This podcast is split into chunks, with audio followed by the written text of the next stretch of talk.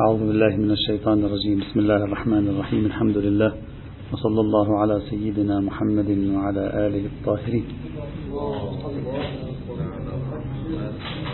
تحدثنا عن عدة مشاهد يمكن أن تكون ذات صلة بموضوع مقاصد الشريعة والاجتهاد التعليلي شيعيا. تحدثنا عن المدونات العللية في القرون الأولى ثم تحدثنا عن الاجتهاد القياسي بمعنى من المعاني في القرون الأولى ثم تحدثنا عن طفرة الحديث عن المقاصد مع الشهيد الأول آه، في القرن الثامن وما بعده. وتحدثنا أيضا عن قضية التعدي عن النص والدخول في قضايا كانت تحسب قياسا ثم بعد ذلك تم إيجاد تخريجات معقولة ومنطقية لها آه، بجهود علماء أصول الفقه الإسلامي المتأخرين مثلا.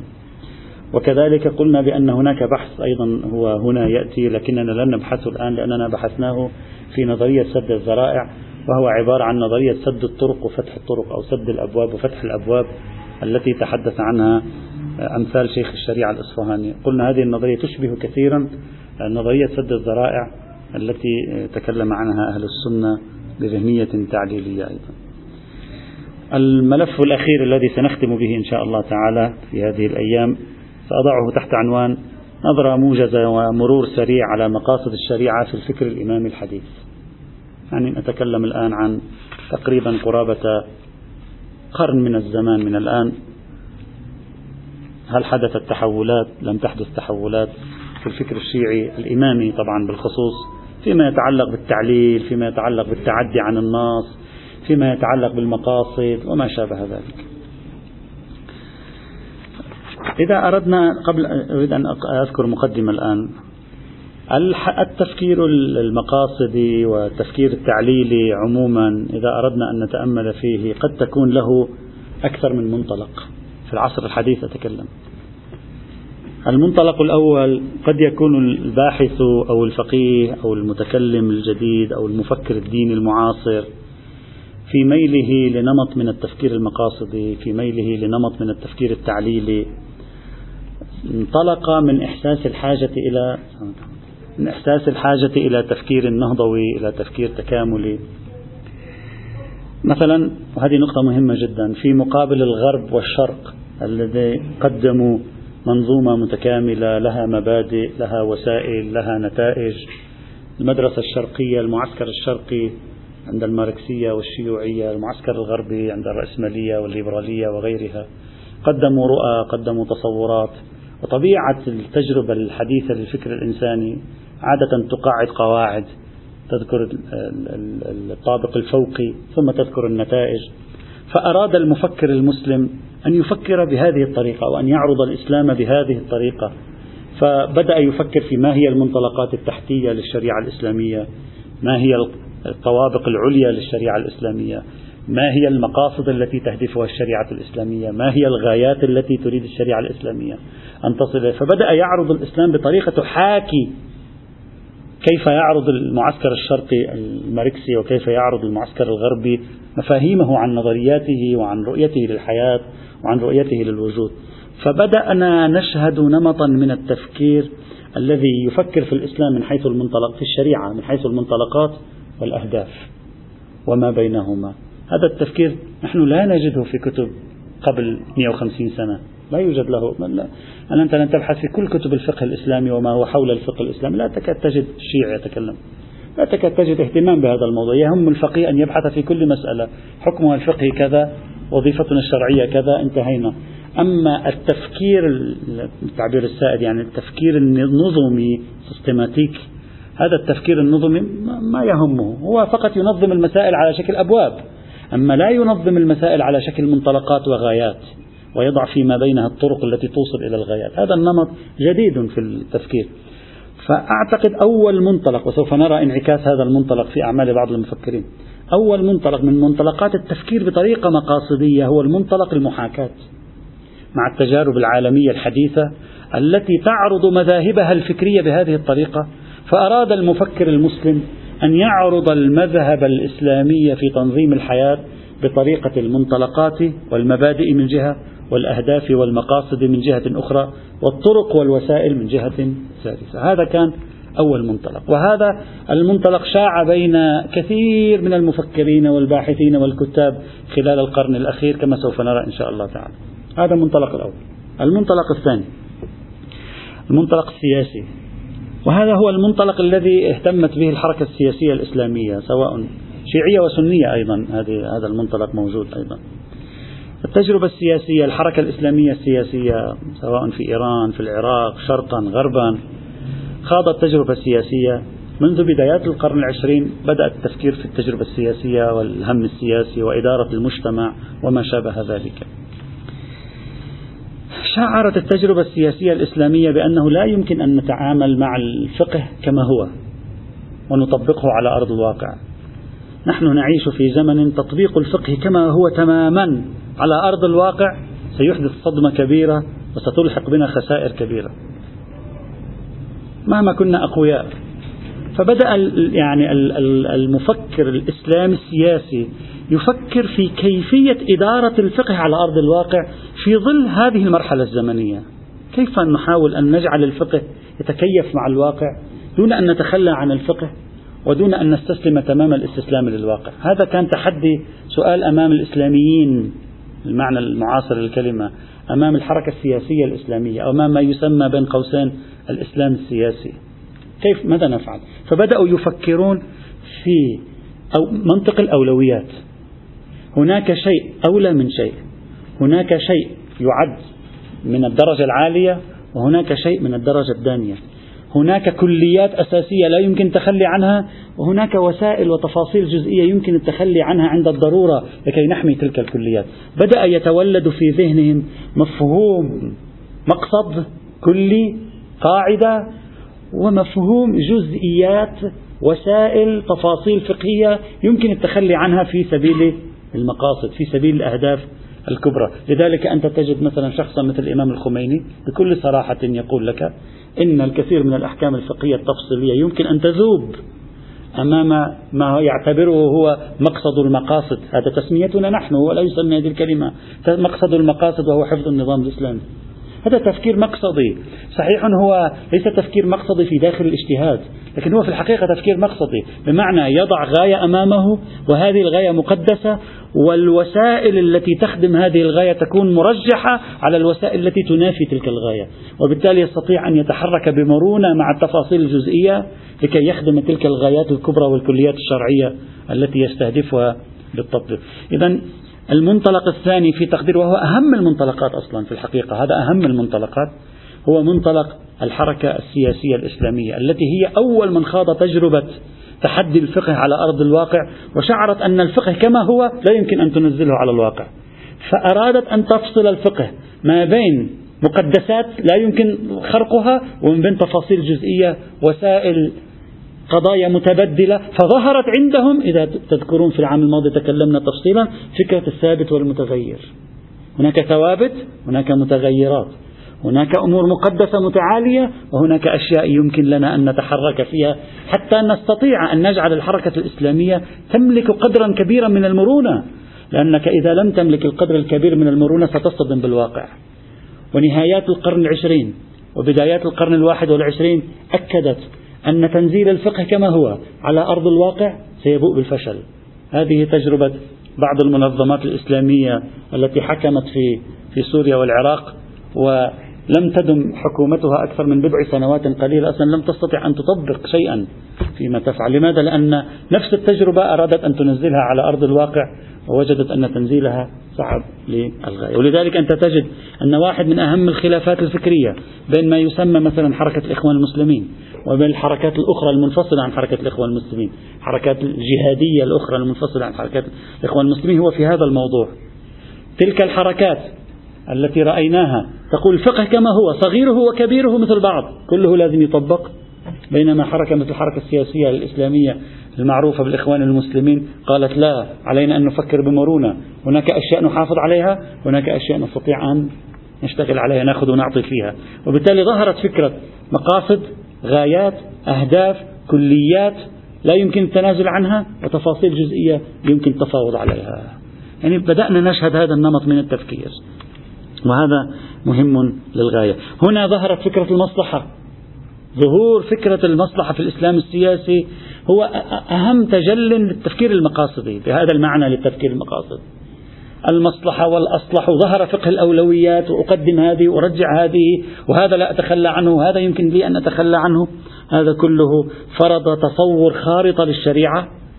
في داخلها كليات أساسية وفي داخلها فروع جزئية قابلة للتفاوض. يعني الشريعة صار في مكان فيها باللون الأحمر نلونه وفي مكان فيها باللون مثلا الأصفر القابل للتفاوض عليه. هذا ارتسم من حيث لا يشعر من حيث لا يشعرون بالتجربة ارتسمت في وعي القائلين والمؤمنين بالإسلام السياسي. ومارسوه سواء في التجربة الشيعية في التجربة السنية وفي التجربة الشيعية هذا أيضا. واضح جدا بالنسبة إلينا. تضحية بالتفاصيل نعم الآن نحن لا نتكلم الآن عن نتكلم الآن عن المعنى الكلي للمقاصدية سنصل إلى هذا. هؤلاء ليسوا مقاصديين بالمعنى الاصطلاحي الخاص لكن هؤلاء هم الذين هيئوا الأرضية لظهور تفكير مقاصد. لأنهم خلقوا مناخ يجعل الشريعة فيها أشياء أساسية وفيها أشياء فرعية فيها أولى وفيها أقل أولوية وبدأوا يرسمون خرائط. هذا مهم جدا كان بالنسبة لظهور التفكير المقاصدي هذا إذا صار عندنا المنطلق الأول هو منطلق المحاكاة مع التجربة العالمية فأرادوا أن يقدموا الإسلام على على شكل منظومي كما قدمت الشيوعية والرأسمالية عقائدها. المنطلق الثاني منطلق تجربة الحركة الإسلامية السياسية أيضا قدمت أصول غير قابلة للتخلي وجزئيات قابلة للتفاوض على أساس أننا نريد أن نكون مرنين. فظهر فقه المصلحة وبدأنا نتحرك في إطار فقه المصلحة الذي هو قريب للتفكير المقاصدي المنطلق الثالث وهو المهم وهو منطلق نقدي. يعني التفكير المقاصدي ظهر في فضاء نقدي هذه المرة. المنطلق النقدي في تحليل المتواضع له شكلان وأرجو التأمل في هذين له شكلان. الشكل الأول تفكير نقدي لا يتعارض مع سعة الشريعة. يريد للشريعة أن تبقى متسعة وشاملة وواسعة ولها الهيمنة على حياة المسلمين. هو يريد ذلك ولا يرفض ذلك أبدا. ما مع إلا ممكن أحيانا بشكل بسيط. هو يريد ذلك لكنه يستخدم الرؤية المقاصدية لنقد التفكير التقليدي في الفقه. من أجل أن يبقي الشريعة شاملة قادرة على أن تبقى حية. هذا أول منطلق هذا أول شكل للمنطلق النقدي. إذا هو ينتقد التفكير التقليدي في الفقه بواسطة تفكير مقاصدي هادفا أن تبقى الشريعة وأن يبقى لها حضورها معتقدا بأن ظهور التفكير المقاصدي سوف يؤدي إلى حماية الشريعة. فعلينا أن ننتقد الشكل التقليدي للشريعة كي نحافظ على الشريعة في هذا العصر. الآن هذه فكرة مهمة جدا. وتمثل اتجاهين متناقضين أصلا في التفكير المقاصدي عند الشيعة. ونفس هذا التقسيم بعينه ستجده عند السنة أيضا. هذا ليس خاصا بالشيعة بعينه تجده عند السنة. الشكل الثاني. نعم مثل رشيد رضا وأمثاله. والآن سنقول مثلا شيعيا مثل من؟ الشكل الثاني تفكير نقدي ثائر على هيمنة الشريعة. بعكس التفكير الأول. هو نقدي لكنه ثائر على هيمنة الشريعة على سلطة الشريعة. لماذا؟ لأنه معارض لشمول الشريعة واستغراقها للحياة برمتها. يريد أن يقلص من قوة حضور الشريعة فطرح المقاصدية وسيلة لتقليص هيمنة الوحي. الآن وهذه وهؤلاء تكلموا أيضا باسم المقاصد. يعني في فريقين متناقضين تكلموا في زماننا الحديث. باسم المقاصد لكن كل واحد كان له غرض. واحد طرح المقاصدية كآخر طلقة نار في سبيل الحفاظ على سيطرة الإسلام وحضوره وواحد طرح المقاصدية كطلقة للخلاص من الفقه القائم والتحرر من الشريعة القائمة ومن الفقه القائم. بواسطة إحالة الفقه إلى مقاصد فقط. يعني الفقه كله يتحول إلى مقاصد والمقاصد هي عبارة عن كليات أخلاقية. وعقلائية وبالتالي تصبح إدارة الحياة علمانية بثوب أخلاقي إسلامي فقط. هذا أيضا فريق تحدث عن المقاصدية واهتم بالمقاصد. الفرق بين الفريق الأول والثاني ما هو؟ أو الفرق بين الفريق الثاني وكل الفرقاء الأوائل يعني في المنطلق الأول والمنطلق الثاني والشكل الأول من المنطلق الثالث الفرق بينهما هو على الشكل التالي. الفريق الشكل الثاني الأخير أراد تقليص الشريعة باختزالها بالكليات المقاصدية. أما الذين كانوا من قبل فأرادوا طرح المقاصد لأجل تكريس حضور الشريعة ذات السعة والشمول. يعني إذا كان السيد محمد حسين فضل الله مثلا على سبيل المثال مقاصديا بمعنى من المعاني أو كان السيد محمد باقر الصدر بمعنى من المعاني كما سنرى مقاصديا في هذا الإطار فهو مقاصدي لأجل أن يفك بعض العقد أمام الشريعة ليسمح لها بالحضور والتمدد في الحياة. أما إذا كان عبد الكريم سروش وهو يصرح بالمقاصدية أو كان محمد مشتهى الشبستري وهو يصرح أيضا بالمقاصدية. كانوا مقاصديين فليس لنفس الغرض الذي يريده حنباق صدر حسين فضل الله. وإنما لغرض على النقيض تماما وهو تقليص الشريعة إلى حد أن تصبح مجرد مقاصد كلية وبالتالي تصبح يدنا مبسوطة في تطبيق هذه المقاصد على أرض الواقع ونكون أقرب إلى الإدارة الإنسانية للحياة. أي أحد معاني العلمانية؟ إدارة الإنسانية للحياة وهو معنى علماني آه، في هذا الإطار. فإذا في فرق كبير بين وبهذا تبدو نظرية المقاصد ذات هدفين متناقضين. في في عصرنا الحديث، يعني الذين تفوهوا بكلمة المقاصد وأمثالها كان لهم هدفين متناقضين. الهدف الأول إبقاء الشريعة الإسلامية حية ببركة نظرية المقاصد. هذا الهدف إبقاؤها حية كما هي ببركة نظرية المقاصد فنساهم في تغيير بعض مفرداتها ننتقد بعض تفاصيلها لتبقى حية وكأن هؤلاء شعروا بأن نظرية المقاصد تساهم اليوم في إبقاء الشريعة حية. فتعالوا لكي ندافع عن المقاصدية كي لا تنتهي الشريعة. لأنه إذا ما دفعنا عن المقاصدية فسوف نطبق نموذج المنظمات الإسلامية ما يعرف بالمنظمات الإسلامية الجهادية التي رأيناها في مثل نيجيريا في مثل سوريا في مثل العراق والآن في في بعض الأماكن في ليبيا في شبه جزيرة سيناء إلى آخره والنتيجة كانت فشل ذريع وانتهاء عصر الإسلام. فلكي لا نصل إلى هذه المرحلة نأتي بالمقاصدية. لكي تنتقد التفكير التقليدي الفقهي نحرك الفقه داخليا يبقى حيا. بينما الرأي الثاني الذي هو على النقيض نأتي بالمقاصدية.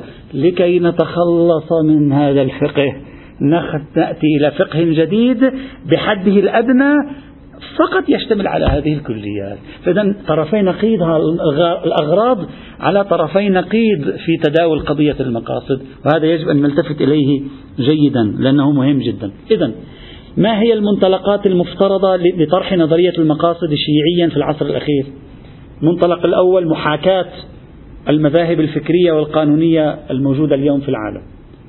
المنطلق الثاني تجربة الإسلام السياسي وما فرضته هذه التجربة من ضرورة إعادة التعامل مع الفقه بطريقة الأهم والمهم وبطريقة فقه المصلحة وبطريقة المقدسات وغير المقدسات وبطريقة الثوابت والمتغيرات.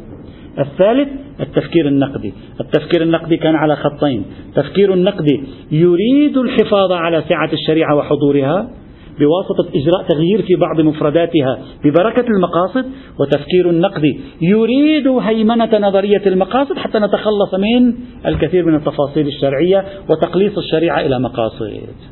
وهذا هذا طبعا صورة كلية الآن مقدمة. صورة كلية عن المشهد وسنرى هذه الصورة في داخل العرض الذي سأقدمه خلال الأيام القادمة. سنرى أن فلان منطلقاته بهذه الطريقة نتائجه بهذه الطريقة. فلان منطلقاته بتلك الطريقة نتائجه بتلك الطريقة والكل يستخدم نفس النظرية مقاصد الشريعة. والكل يرفع نفس الشعار. ضرورة التفكير في مقاصد الشريعة. لكن النتائج مختلفة المنطلقات والأغراض مختلفة. هذه كانت مقدمة كلية آه، سوف نظهرها الآن. هذا فيما يتعلق بهذه المقدمة. الآن فأنا أتكلم فقط الآن في الإمامية لكن نفس هذه تجدها الآن مثلا واضح في يعني مثلا أعطيك مثال. التيارات التي مثل الدكتور طارق رمضان ينتمي إلى التيار المقاصدي الذي يريد تقليص الشريعة إلى مقاصد. بينما شيخ محمد عبده محمد رشيد رضا ابن عاشور علال الفاسي ينتمي إلى الفريق النقدي الذي يريد إعادة جدولة الشريعة وتنظيمها مقاصديا للتخلص من بعض الأحكام التي لا تتجاوب مع العصر بهدف إبقائها مهيمنة على حياة المسلمين بما هي. فتجد نفس المدرستين. يعني هذه تجارب متشابهة لسنا منفصلين عن السنة ولا السنة منفصلة عنه. نحن كلنا نعيش في, في تجربة متشابهة. وبالتالي طبيعي أن تكون التيارات متشابهة الانعكاسات متشابهة مع اختلاف المذاهب فيما بينها وفي خصوصياتها. طيب. هذه كانت مقدمة. لكي أرصد باختصار شديد حركة التفكير المقاصدي إماميا في العصر الحديث يمكن أن أصنف الحركة إلى قسمين. الآن هذه كانت مقدمة أتركها. سأسميها المقاصدية البعدية والمقاصدية القبلية. الآن سأشرح لماذا استخدمت هذا التعبير. مقاصدية بعدية خارجية ومقاصدية قبلية داخلية. وسأبدأ بالمقاصدية البعدية لأنها عادة تقدمت زمانا على المقاصدية القبلية. يعني في البدايات كانت مقاصدية بعدية وبعدين صارت مقاصدية قبلية كما سنرى الآن. القسم الأول التيار. المقاصدي البعدي الخارجي ما شئت فعبر. ماذا أعني منه؟ أعني بهذا التيار الذي هو الأغلبية الساحقة بين الشيعة المقاصديين. طبعا هنا تسميتهم بالمقاصديين الآن تسامحا الآن تسامحا كما سترى. أنت سترى ذلك. تسامحا. أقصد التيار الذي له أنصار كثر إلى يومك هذا. له أنصار كثر من علماء من باحثين من مفكرين. من شخصيات من كتاب إلى آخره. التيار الذي ظهر منذ فجر النهضة الإسلامية الحديث في القرن التاسع عشر وما زال مستمرا إلى اليوم. هذا التيار ماذا يقول؟ يقول المقاصد الغايات الأهداف ليست جزءا من العملية الاجتهادية. أبدا. يعني هذا التيار إذا تقول له يا مولانا اجتهد لنا في مسألة لا تجد في اجتهاداته من أول ألفه إلى آخر يائه فكرة مقاصدية أو ذهنية مقاصدية تعليلية. أبدا. لكن خارج الفقه يطرح قضية المقاصدية. لذلك أنا سميته بعدي. ما معنى بعدي؟ يعني بعد الاجتهاد. خارجي. لماذا خارجي؟ لأنه يحلل من خارج الشريعة. وليست المقاصدية تكمن عنده قبل أن يبدأ بالعملية الاجتهادية ولا المقاصدية هي جزء من داخل العملية الاجتهادية. لذلك فصلت بين القبل وبين البعد. هؤلاء ماذا يفعلون؟ هؤلاء الشريعة موجودة أمامهم فقط يعيدون صياغتها. فقط يعيدون صياغتها صياغة مقاصدية. مثلا يقول إن الشريعة الإسلامية أرادت ومن غاياتها تكريم المرأة فقد قالت لا تئد النساء وقالت أعطوهن من الإرث وقالت لهن ما كسبن. ولا تصادر أموالهن فيما كسبن. وقالت وقالت وقالت كل ذلك لأجل أن يحقق الإسلام كرامة المرأة. كم مرة رأيت مثل هذه الجملة؟ آلاف المرات. كل أدبياتنا نحن الآن هكذا. من 150 سنة الآن كل أدبياتنا هكذا. لكن هذه الفكرة لا يمكن لنفس هذا الرجل الذي يقولها. إذا قلت له مولانا اجتهد في أحكام الإرث لا يمكن أن تجدها عنده. هذا معنى أنه فقط يريد تقديم صياغة خارجية للشريعة تعتمد على فكرة مبادئ أحكام وغايات وأهداف. وهؤلاء الذين في المنطلق الأول والمنطلق الثاني غالبا هكذا. غالبا هكذا. فقط هي ليست جزء من العملية الاجتهادية هي جزء من عملية رسم الإسلام عرض الإسلام تقديم الإسلام في العصر الحديث. وليس جزء من من عملية اجتهادية. لذلك لا نصنف هذه المقاصدية إلا تسامحا. هي تف...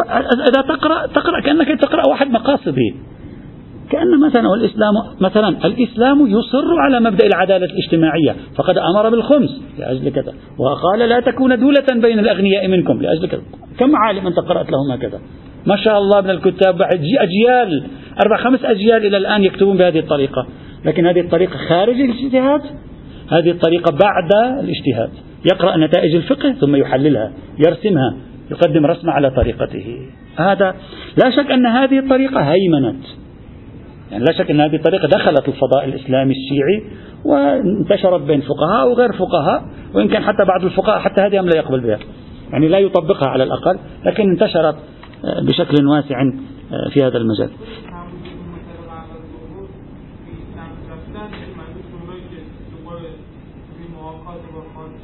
نعم نعم. نعم. يريدون أن يقدموا الشريعة كما يقدم الماركسي مذهبه الاقتصادي. فيقولون نحن أيضا عندنا مذهب اقتصادي. كيف يا مولانا؟ المذهب الاقتصادي قائم على مبدأ العدالة الاجتماعية. المذهب الاقتصادي قائم على كذا. آه فهو يقد ليس الشكل يحتاج إلى عبقرية حتى تنظمه. لكن ليس له تأثير في الاجتهاد. أبدا. أبدا لا يعم يعني ليس نظرية اجتهادية اسمها النظرية المقاصدية لكن في نهاية المطاف هي عبارة عن عمل جاد ليست أمرا شكليا وفقط عبارات لا عبارة عن, عن عمل جاد. إذا فهي منهج في كيفية تقديم رؤية شمولية للشريعة متناسقة الهدف منها تقديم الشريعة على شكل متناسق على شكل ملتئم هذا يهمهم أن يقدموه. بدل الشريعة الأحكامية الفتوائية المبعثرة لا ينسقونها يعملوا منها لوحة فسيفسائية كما يقال. وأحيانا أيضا يستخدمون هذه الطريقة لكي يعرفوا كيف يطبقوا الشريعة. فيضعوا مثلا ال ال الأشياء الأساسية والأشياء الأقل أهمية والأشياء الفرعية. كأنما ترسم شجرة هناك جذع لا يمكنك أن تقطعه. مثل حفظ النظام الإسلامي عند السيد الخميني. وهناك غصن يمكن أن تقطعه لأجل الحفاظ على الجذع. إذا كان الجذع سوف يتعرض للخطر.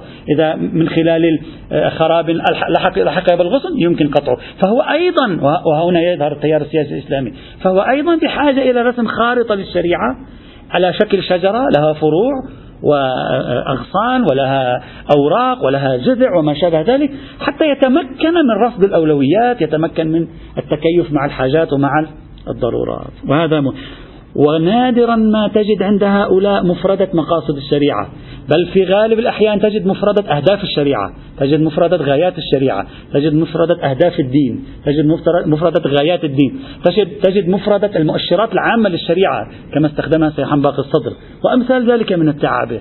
لكن نادرا ما تجد مفردة مقاصد الشريعة تظهر في هذا الفريق اللي هو الفريق المقاصدي البعدي الخارجي كما سمينا.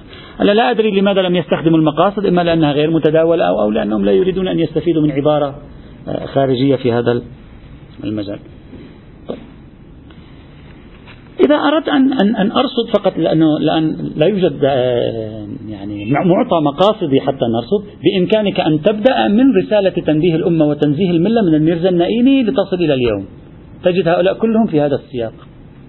تجدهم يقولون بأن المقنن الإسلامي يجب عليه أن يقوم بسن القوانين في دائرة المتغيرات يجب عليه أن يقوم بسن القوانين في دائرة الفراغ والهدف من ذلك تحقيق الغايات الدينية تحقيق أغراض الشريعة. هذه الكلمة متداولة عندهم. تجد ذلك عند الميرزا النائيني تجد ذلك أيضا بعدين مع العلامة الطباطبائي تجد ذلك أيضا مع سحان باقر الصدر والكثير الكثير من منظور هؤلاء. نعم بعديين. نعم نعم. ونظريات هؤلاء بالتفصيل بحثناها في كتاب شمول الشريعة في العام الماضي. لا نعيدها ولا نبحثها. ليست مهمة آه، كثيرا بالنسبة إلينا الآن. مثلا تجد آه، تجدهم يعبرون على ولي الأمر أن يسن القوانين في منطقة الفراع مراعيا أهداف الشريعة. على ولي على المجالس النيابية أو مجالس الشورى كما كان يعبر ميرزا النائيني أن يسنوا القوانين مراعين الشريعة الإسلامية وأغراض الشريعة الإسلامية وما شابه ذلك. هذه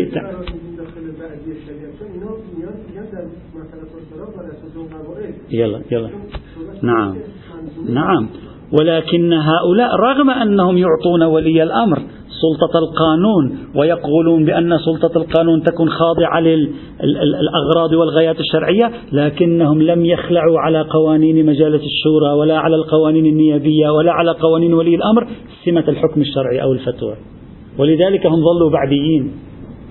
يعني صحيح أنهم فكروا مقاصديا. يعني ولي الأمر لما الآن بده يسن قوانين في منطقة الفراغ هم وجهوا ليفكر مقاصديا.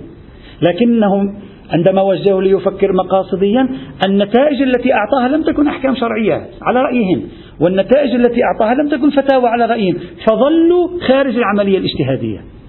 ولذلك اقتربوا كثيرا من المقاصدية واستخدموا طريقة العرض المقاصدي لكن لم يكونوا منهجا مقاصديا في داخل العملية الاجتهادية إلا أن هؤلاء يرجع إليهم الفضل الأكبر والأعظم في التهيؤ العقل الشيعي للتفكير المقاصدي. لأن هذا النمط من التفكير ما كان موجودا في فيما مضى. هذا النمط من التفكير جديد. بعد أن اعتاد عليه العقل الشيعي بدأت إمكانية أن نتكلم عن دخول هذا النمط من التفكير في فهم الشريعة بنفسها. ولذلك قلنا بأن هؤلاء سابقين زمانا على المقاصديين القبليين الداخليين. لماذا؟ لأنهم هم الذين هيئوا الأرضية لكي يتدرب العقل الشيعي على هذا النمط من التفكير. نمط يضع غايات ويضع وسائل وطرق. نمط يضع أهداف مقدسة ثم يتحرك في الوسائل والطرق بما يخدم الأهداف المقدسة. نمط يضع مقاصد ثم يسن القوانين لخدمة تلك المقاصد. ولو كانت قوانين بشرية. هذا هم الذين يرجع إليهم الفضل في ظهور التفكير النقدي اللاحق الذي أراد أن يعيد إنتاج نظرية المقاصد بواسطة كونها نظرية اجتهادية. طبعا يعني عندما نقول تيار لاحق ليس تيار كبير أنت لا تفكر في تيار كبير هو تيار صغير ما زال صغيرا إلى الآن يعني لكن على أي حال تيار. طبعا لا أريد أن أقول هؤلاء ليس عندهم شيء مقاصدي في الفقه أبدا. قد تجد عند بعضهم إشارة هنا إشارة هنا سأشير مثلا. سيد باقر الصدر عنده بعض الإشارات لكن ليس عندهم خط مقاصدي اجتهادي. خطهم العام مقاصدي فوقي يعني فوق الشريعة يقرأها قراءة خارجية لا يقرأها قراءة داخلية. وإلا إشارات قد تجد عندهم آه، في هذا المجال. كذلك لا تجد عندهم دراسات مستأنفة في ما هي غايات الشريعة. ما هي مقاصد الشريعة؟ مثلا تجد سيد باقر الصدر يشير لك في المؤشرات العامة للتشريع يشير لك إلى مبدأ العدالة الاجتماعية يؤكد عليه. إشارات. أما ما هي العدالة الاجتماعية؟ كيف نشرحها؟ كيف نجتهد فيها؟ لا يدخل في التفاصيل. تجد مثلا السيد الخميني عندما يتكلم يقول مبدأ حفظ النظام هو المقصد المقاصد أما كيف استدل على ذلك فقهيا؟ لا يشرح لك. يعني ليس في مقام الاجتهاد الفقهي هو. هو في مقام عرض فكرته عرض خلاصة فكرته. لكن لم يكتب لنا دراسة فقهية في كيف توصل إلى هذه النتيجة. فتجد أن لا المقاصد بنفسها نقحت اجتهاديا عندهم لأنهم لم يكونوا بصدد ذلك. ولا طريقة تحديد الوصول إلى هذه المقاصد أيضا ذكروها في أعمالهم الفقهية. هذا الفريق الأول وكما قلت مقاصدي للتسامح والتساهل. يعني ليس مقاصديا بالمعنى المصطلح لكن يرجع إليه الفضل في فتح هذا الباب فتح هذا النمط من التفكير.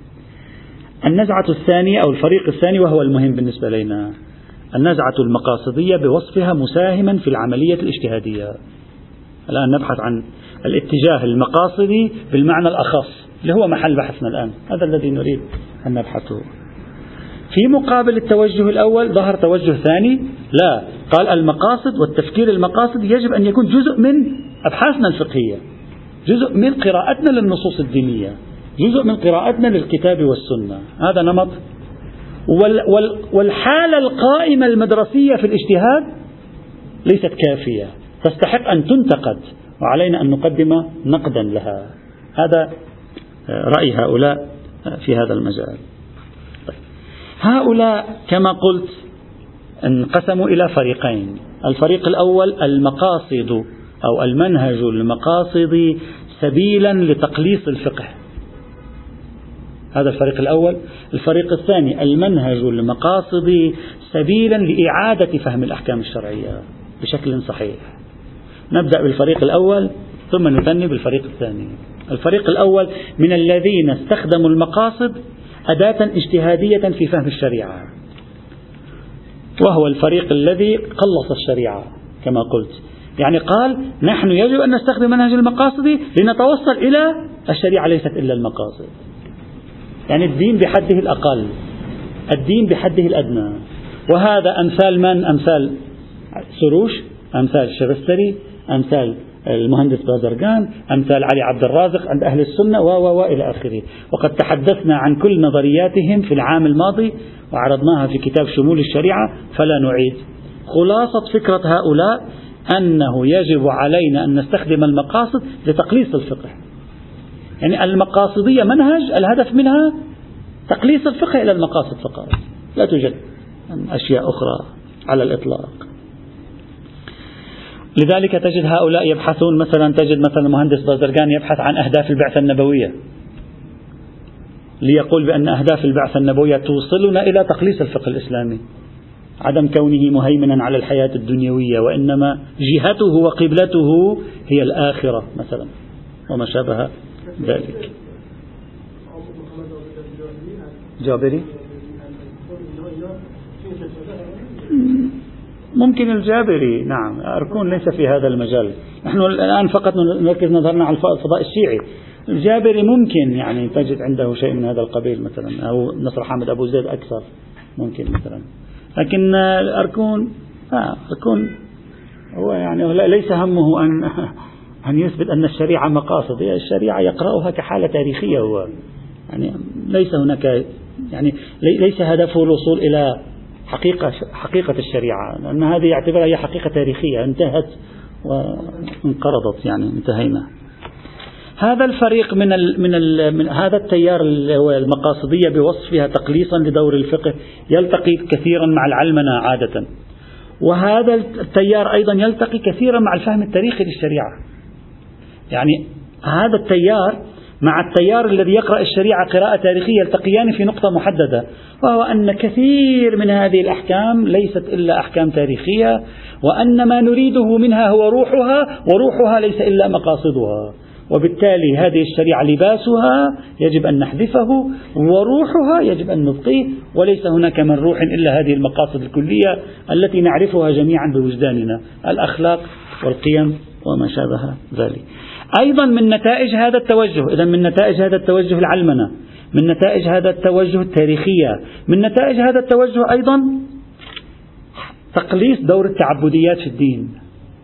يعني هؤلاء يركزون على توسعة دور التع... الأمور المعقولة في الدين لصالح تقليص دور الأمور التعبدية غير المفهومة بالدين.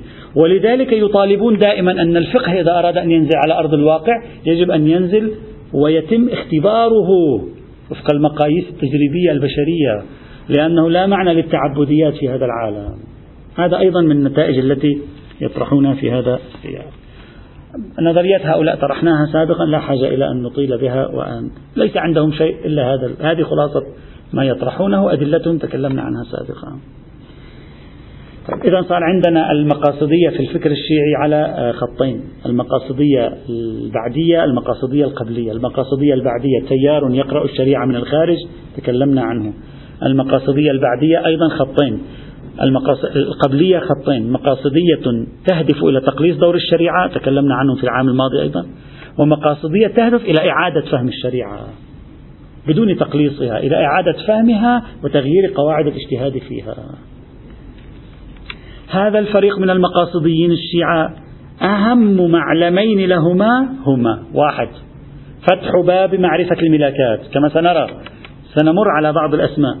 أول معلم لهؤلاء أنه يا جماعة كفانا ادعاء أن الملاكات لا تعرف. نعم في العبادات لا تعرف. في غير العبادات افتحوا الباب على مصراعيه. وهلم بنا نكتشف المصالح والمفاسد الكامنة وراء الأحكام. هذا أول شعار سنراه عندما سأعرض بعض أفكارهم بعض رموزهم سنرى أن هذا من أهم شعاراتهم. العلل تعرف. نعم في بعض العبادات لا نستطيع أن نعرفها صحيح. أما المعاملات والعلائق الإنسانية أغلبها قابل للمعرفة وهذا سنرى إن شاء الله تعالى. وإذا قلت العلل تعرف ما معناها؟ معناها التعدي فتحنا بابه. يعني لم نعد منحصرين في إطار دلالة النص وإنما صار بإمكاننا أن ننفتح على توسعة النص إلى مساحات أخرى تبعا لتوسعة العلة وتضييق النص تبعا لتضيق العلة. فهذه نتيجة طبيعية لادعائك التمسك بالعلل الثبوتية. أتكلم عن العلل الثبوتية الآن. ادعائك التمسك بالعلل الثبوتية آه، للأحكام. إذا أول معلم من معالم هؤلاء فتح باب اكتشاف العلل الثبوتية والتعدي عن ظواهر النصوص ببركة هذا الفتح هذا الكشف. هذا أول معلم من معالمهم. المعلم الثاني جعل المقاصد أساسا في تقييم الأدلة الظنية كما سنرى. يعني عندي كليات يقينية عندي مقاصد أو افتح قوس. هذه أو بعدين سنرى لماذا قلنا. أو عندي أدلة على الكليات أدلة على المقاصد. هذه الأدلة هي الحاكم في معرفة أن هذا الخبر الظني حجة أو لا؟ هي الحاكم في معرفة أن هذا الظهور الظني حجة أو لا؟ هي الحاكم في معرفة أن هذا الإطلاق أو العموم الظنيين حجة أو لا؟ يعني تحكيم المقاصد والعلل في حجية الظنون الشرعية. هذا سنراه. سأمشي معهم سنرى. هؤلاء يعتمدون هذه الطريقة. إذا أهم معلمين في هذا التيار فتح باب كشف العلل الثبوتية ومن ثم فتح باب التعدي. ثانيا الحديث عن تحكيم المقاصد في الحجج الظنية. الحجج الظنية صار الآن بيدنا وسيلة لكي نوسعها ونضيقها نحكم عليها سلبا أو إيجابا.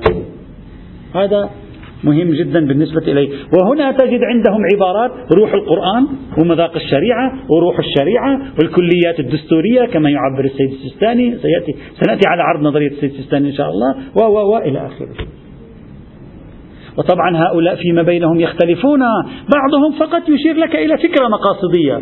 تروح إلى كتب الفقه التي له لا تجد شيئا. وبعضهم يشير إلى فكرة وتذهب إلى الكتب الفقهية له تجد انعكاسا. فيختلفون سعة وضيقا في حجم تفعيلهم الحركة المقاصدية.